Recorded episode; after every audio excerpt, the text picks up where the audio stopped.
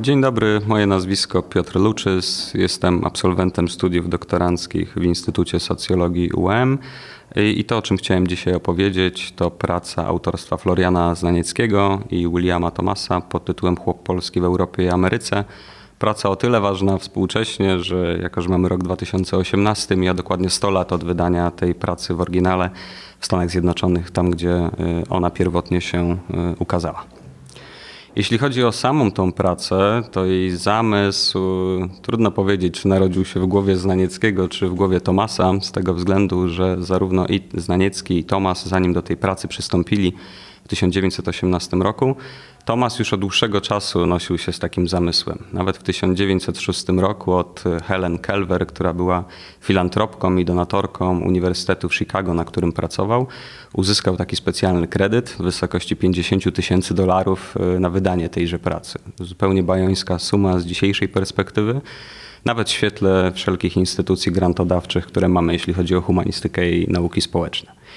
I Tomasz podczas jednej z podróży do Polski w 1913 roku spotkał się ze Znanieckim, który wówczas był w Warszawie redaktorem Wychodźcy Polskiego, takiego magazynu poświęconego losom imigrantów i emigrantów, strukturom migracyjnym e, i tego typu zagadnieniom. I pomagał Tomasowi w jego studiach właśnie nad emigrantami w Polsce. E, ta współpraca dojrzewała, panowie wymieniali się listami, e, doprecyzowali reguły dalszej współpracy i ostatecznie wraz z wybuchem I wojny światowej Zaniecki stwierdził, że przeniesie się przynajmniej na pewien okres czasu do Stanów Zjednoczonych. Tam w Chicago spotkał się z Tomasem i prace nad książką już e, ruszyły całościowo. E, ta książka, o której dzisiaj mówimy, ukazywała się w efekcie tej współpracy pomiędzy 1918 a 1920 rokiem. E, przy czym koleje jej powstawania i to, co się z nim działo i z samymi autorami, jest też niezwykle ważnym kontekstem. E, niekoniecznie tylko te rzeczy, które są związane z elementami naukowymi zawartymi w tej pracy. One też są oczywiście istotne, natomiast bez jak gdyby poznania tego całego kontekstu powstawania losów tej pracy i autorów, e, no, mają one raczej marginalne znaczenie. Dlaczego? Z tego względu, że praca pierwotnie pięciotomowa e, była podzielona w taki sposób, iż pierwszy tom to sławetna nota metodologiczna, e, w której Znaniecki i Tomas czynią wykład pewnych założeń teoretycznych, prezentują e, Znaniecki swoją teorię wartości, Tomas swoją teorię postaw, które już od lat rozwijają i które e, mają taki wspólny wydźwięk właśnie na, na kanwie tej książki i wprowadzają w tematykę imigrantów przybyłych z Polski na tereny Stanów Zjednoczonych, gdzie tłumaczą, w jaki sposób oni się organizują, co się dzieje z małżeństwami, jakie tworzą instytucje, w jaki sposób układają sobie to życie e, na amerykańskiej ziemi. Tam pojawiają się też po raz pierwszy elementy korespondencji, listów wymienianych pomiędzy Polakami, którzy zamieszkali w Stanach, a osobami, które pozostały w kraju, zwykle z ich e, członkami rodzin.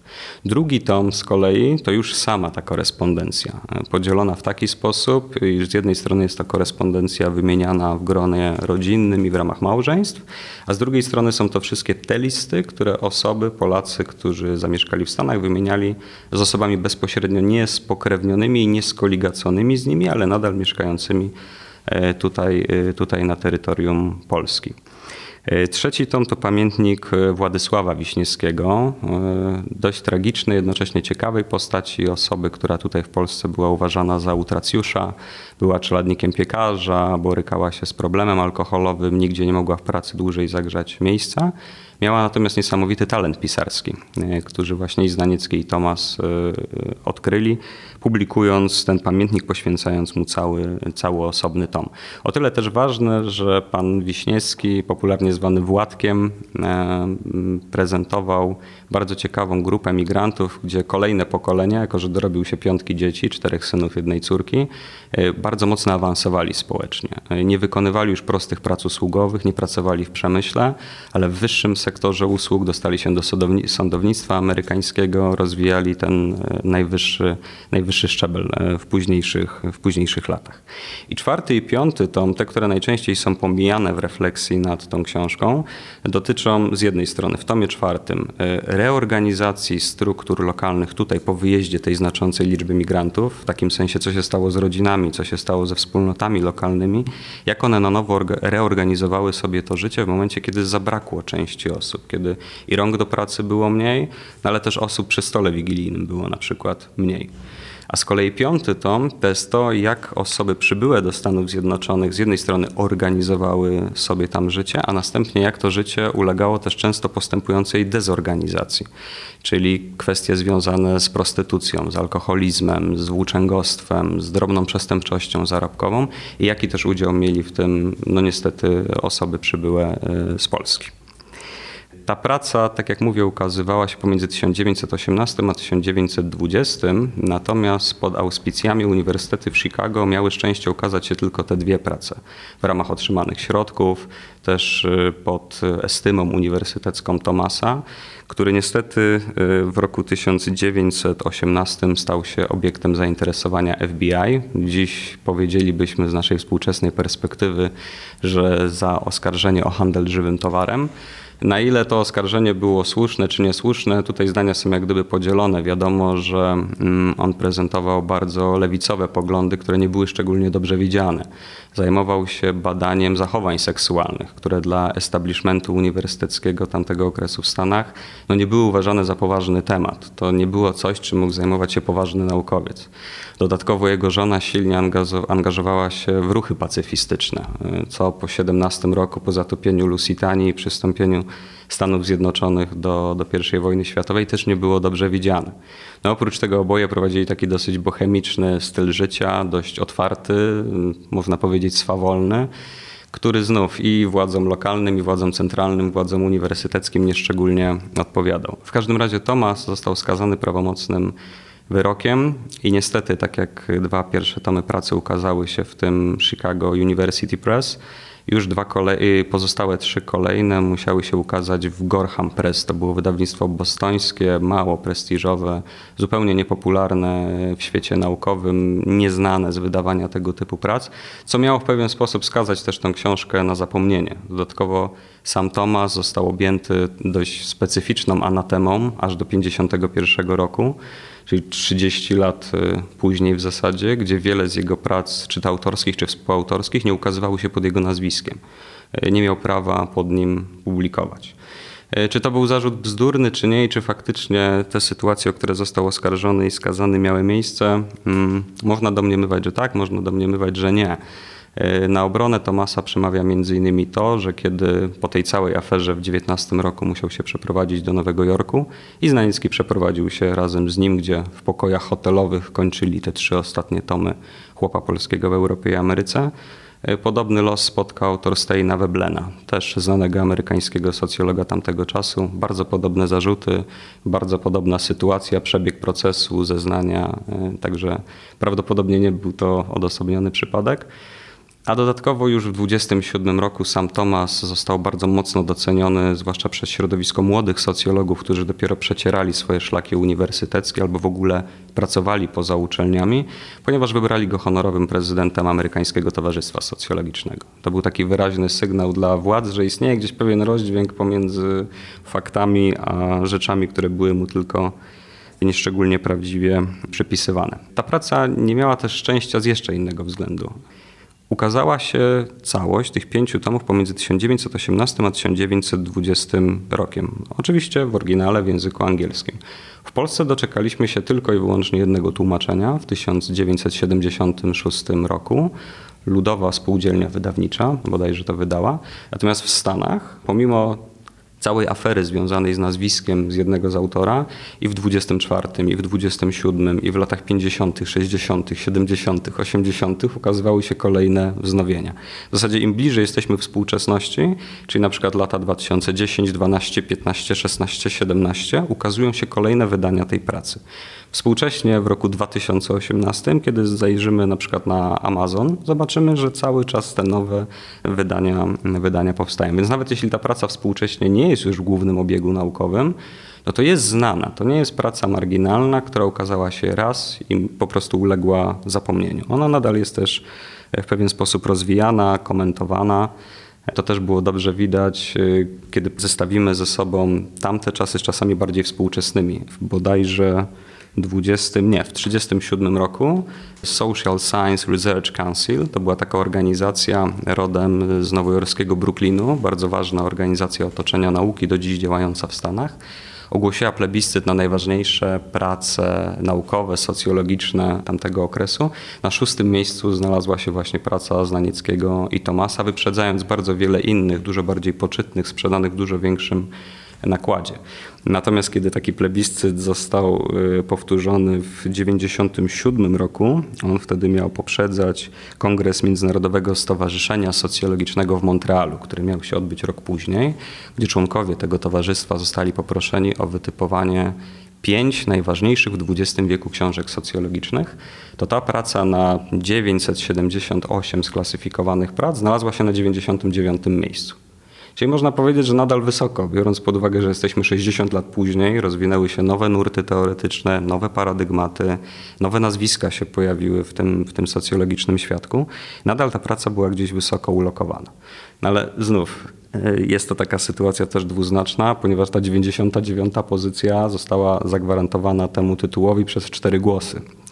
Więc w świetle kilku tysięcy głosujących osób, gdzie na pierwszym miejscu znalazła się gospodarka i społeczeństwo Maxa Webera z 95 głosami bodajże, no to różnica jest dosyć e, znacząca, co by, co by nie powiedzieć. No niemniej jednak e, ta praca na pewno dużo bardziej, dużo więcej przeżyła e, i dużo lepiej dużo wolniej się zestarzała w tym anglojęzycznym kontekście naukowym niż u nas w Polsce, gdzie biorąc pod uwagę jakiego tematu dotyczyła, e, powinna być dla nas e, do dziś, do dziś szczególnie ważna. Jeśli coś można powiedzieć o losach samej pracy, to bardzo jest też ciekawe, jak one się zakończyły. Tak jak wspomniałem, w 1919 i Tomas i Znaniecki przeprowadzili się do Nowego Jorku, żeby uniknąć jak gdyby tej, tej całej sytuacji i zawieruchy, która wokół nazwiska Tomasa się rozpętała kończyli w pokojach hotelowych e, resztę tych e, prac. E, no, Znaniecki kontaktował się już z nowym rządem II Rzeczpospolitej Polskiej, żeby wrócić do kraju pod warunkiem, że zagwarantują mu to stanowisko czy katedrę profesorską. Taką odpowiedź uzyskał w zasadzie na ostatnią chwilę, więc też bardzo się spieszył, żeby dostać się na statek, wrócić do Polski. No i niestety wiele z materiałów, które w pracy nie zostały uwzględnione, tych materiałów osobistych, czyli korespondencji, e, autobiografii, listów, dzienników pisanych przez osoby, które osiedlały się w Stanach, ale też dokumentów instytucjonalnych, które gromadzili, ponieważ były to zapiski parafialne, były to protokoły różnych instytucji zajmujących się migrantami w Stanach Zjednoczonych. To wszystko bezpowrotnie przepadło. Prawdopodobnie zostało w czeluściach tego hotelu, gdzie spędzili ostatnie dni, tygodnie, miesiące swojej, swojej współpracy. Niestety nie udało się tego nigdy, nigdy odnaleźć. I w posłowiu właśnie do pracy i polskiego wydania w 1976 roku Franciszek Jakubczak, e, też znany z badań pamiętnikarskich w Polsce, właśnie mówi, że pomimo rozmów ze Znanieckim, pomimo usilnych poszukiwań, niestety nigdy tych materiałów nie udało się odnaleźć. To, co mamy, jest zatem tylko pewnym wyborem studiów, które prowadzili. Nie wiemy, co więcej tam było, ile tego jeszcze mogło być więcej. Wiemy, że te wszystkie listy, które analizują, te materiały, które analizują, zawierają się pomiędzy 1900 a 1914 rokiem. Przy czym niektóre listy, te najstarsze osób, które już najdłużej rezydowały w Stanach Zjednoczonych, są datowane na rok 1893. Czyli można powiedzieć, że objęli swoim opracowaniem dwudziestoletnią historię osób, które przybyły. To nie jest takie chwilowe osiedlenie, tylko niektórzy już w momencie pisania ostatnich listów od 20 lat są obywatelami na amerykańskiej ziemi. Co o tyle ważne, mm, to to, że dość specyficznie też zostało wybrane miejsce, ponieważ y, Chicago na początku XX wieku było trzecim co do liczebności Polaków miastem na świecie, zaraz po Warszawie i Łodzi, z liczbą 350 tysięcy Polaków, co było dość szczęśliwym zbiegiem okoliczności, dawało też niesamowite możliwości pogłębienia tego tematu, y, co też autorzy, y, co też autorzy starali się zrobić.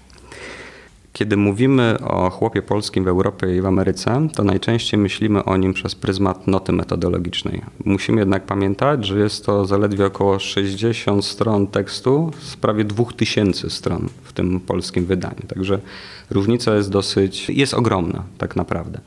W nocie metodologicznej znajdziemy informacje na temat wszelkich założeń teoretycznych, na temat materiałów, które zostały wzięte pod uwagę. Dowiemy się wiele także o stosunku Tomasa i Znanieckiego do socjologii do współczesnej nauki. Natomiast nie jest prawdą, e, kiedy mówimy, że, było, że był to tekst, czy była to praca, czy też fragment pracy, właśnie ta nota metodologiczna, założycielski dla amerykańskiej e, socjologii bardzo lubimy, zwłaszcza w polskim kontekście, w ten sposób o tym myśleć, ale w żadnej mierze nie jest to prawdą. Kursy socjologiczne w Stanach odbywały się już od 1890 roku w Kansas. W 1892 powstała pierwsza samodzielna katedra socjologii właśnie w Chicago, Albiona Smola. Trzy lata później, w 1895, powstał American Journal of Sociology, jeden z najważniejszych do dziś periodyków socjologicznych ukazujących się tam, a w 1905 zaczęło działalność Amerykańskie Towarzystwo Socjologiczne. W momencie, kiedy panowie Znaniecki i Toma zaczynają współpracę, no jesteśmy już 13 lat później, także e, nie można, nie można tego tak jednoznacznie, e, jednoznacznie oceniać. Unikatowym wkładem, jeśli chodzi o pracę chłop polski w Europie i Ameryce Tomasa i Znanieckiego, zarówno w perspektywie socjologii czy to polskiej, czy amerykańskiej, czy szerzej ogólnoświatowej, było to, że praca łączyła dane empiryczne ze studiami teoretycznymi na pewien temat. Nie było to rozdzielone, tak jak do tej pory często w wielu pracach się zdarzało, że dany autor albo skupiał się na gromadzeniu materiałów, które próbował analizować w oderwaniu od jakiejś perspektywy teoretycznej, albo skupiał się tylko i wyłącznie na studiach teoretycznych. Tu doszło do połączenia tej socjologii teoretycznej z socjologią empiryczną. Tak można, tak można by powiedzieć. To, o czym jeszcze warto wspomnieć, to to Chicago. Z jednej strony, tak jak wspominaliśmy, mamy tych imigrantów z Polski i ogólnie 25% migrantów na początku XX wieku w Stanach Zjednoczonych to Polacy, ale tam oczywiście pojawiają się też Irlandczycy, Włosi, Grecy, bardzo dużo Żydów z Europy Wschodniej, niekoniecznie polskiego pochodzenia, ale również. I następują też bardzo ważne i silne ruchy migracyjne w samych Stanach Zjednoczonych. E, ludność rolnicza, ludność wiejska z okolic Chicago wędruje do miasta. Ludność czarnoskóra wędruje z południa Stanów Zjednoczonych do krainy Wielkich Jezior. Postępuje industrializacja. Jezioro Michigan, które było ważnym zbiornikiem wodnym, nie nadaje się do eksploatacji. Przestaje być źródłem wody pitnej zaczyna się realizować ten American Dream w takiej najbardziej nieoczekiwanej perspektywie dla dotychczasowych mieszkańców Chicago, gdzie muszą się wyprowadzać na suburbia nie dlatego, że chcą, nie dlatego, że awansują społecznie, tylko dlatego, że w mieście pojawia się gigantyczny ścisk, ogromna ilość osób, które dodatkowo od rządu amerykańskiego utrzymują bardzo ciekawe przywileje, których oni nie mają. Mają możliwość zaciągania kredyt, brania pożyczek na preferencyjnych warunkach w stosunku do rdzennych mieszkańców.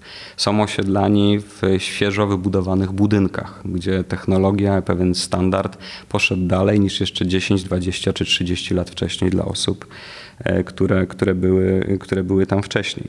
Wraz z tą postępującą industrializacją i faktem, że Chicago w tamtym czasie było też ważnym takim hubem kolejowym, gdzie ten cały przemysł ciężki e, kwitnął, to w tamtym czasie y, objawia się też postać y, Alberta Davida Laskera, to ojca marketingu amerykańskiego, współczesnej reklamy. To człowiek, który wypromował hasła reklamowe, marki, kolory, które dziś kojarzymy z papierosami Lucky Strike, z mydłem Palmolive, to są wynalazki tamtego okresu, więc jak gdyby ta konsumpcja zaczyna być bardzo silnie rozbuchana. Rośnie apetyt i obecnych mieszkańców, i tych przybyłych na to, żeby zagwarantować sobie pewien, pewien standard życia.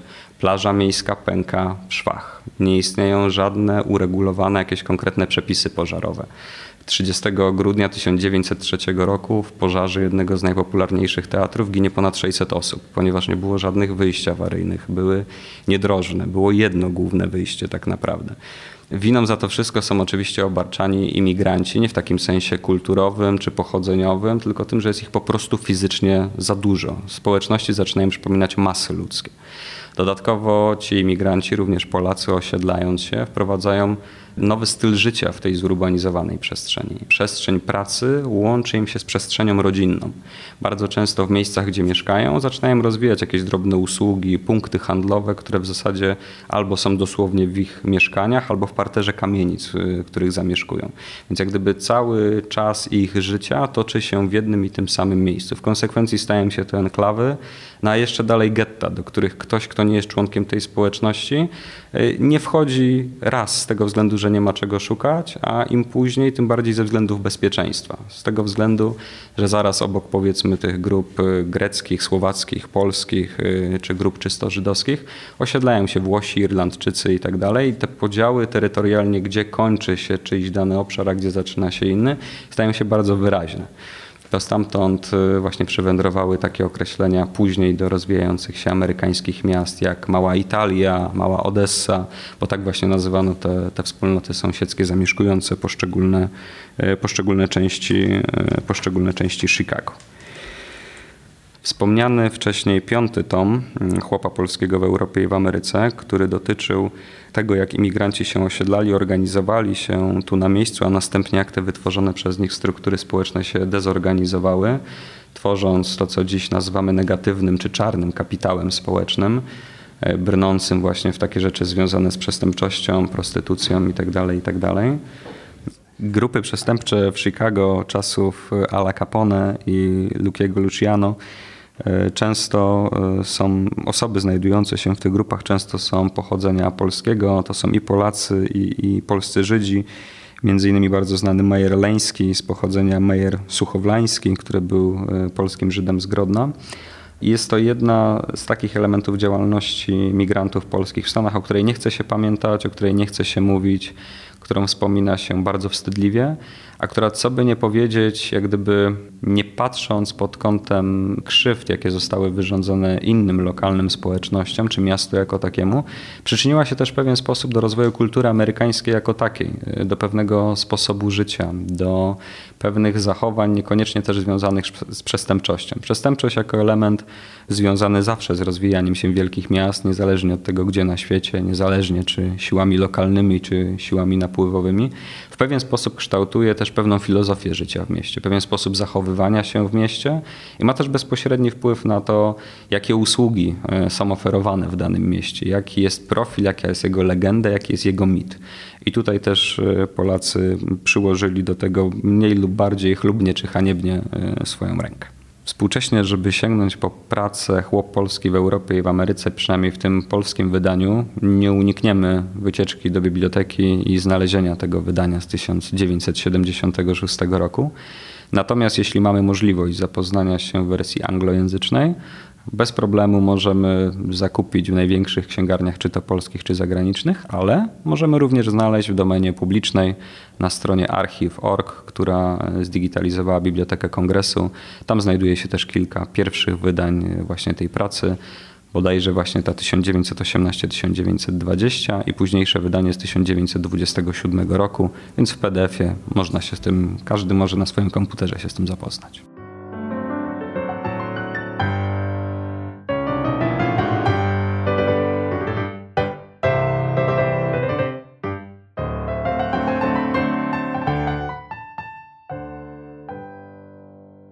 Polskie uczelnie to seria podcastów dla Wikipedii. Więcej szczegółów na stronach Wikiradia pod hasłem Podcasty dla Wikipedii. Audycję sponsoruje Fundacja Otwórz się, która wspiera rozwój podcastingu w Polsce.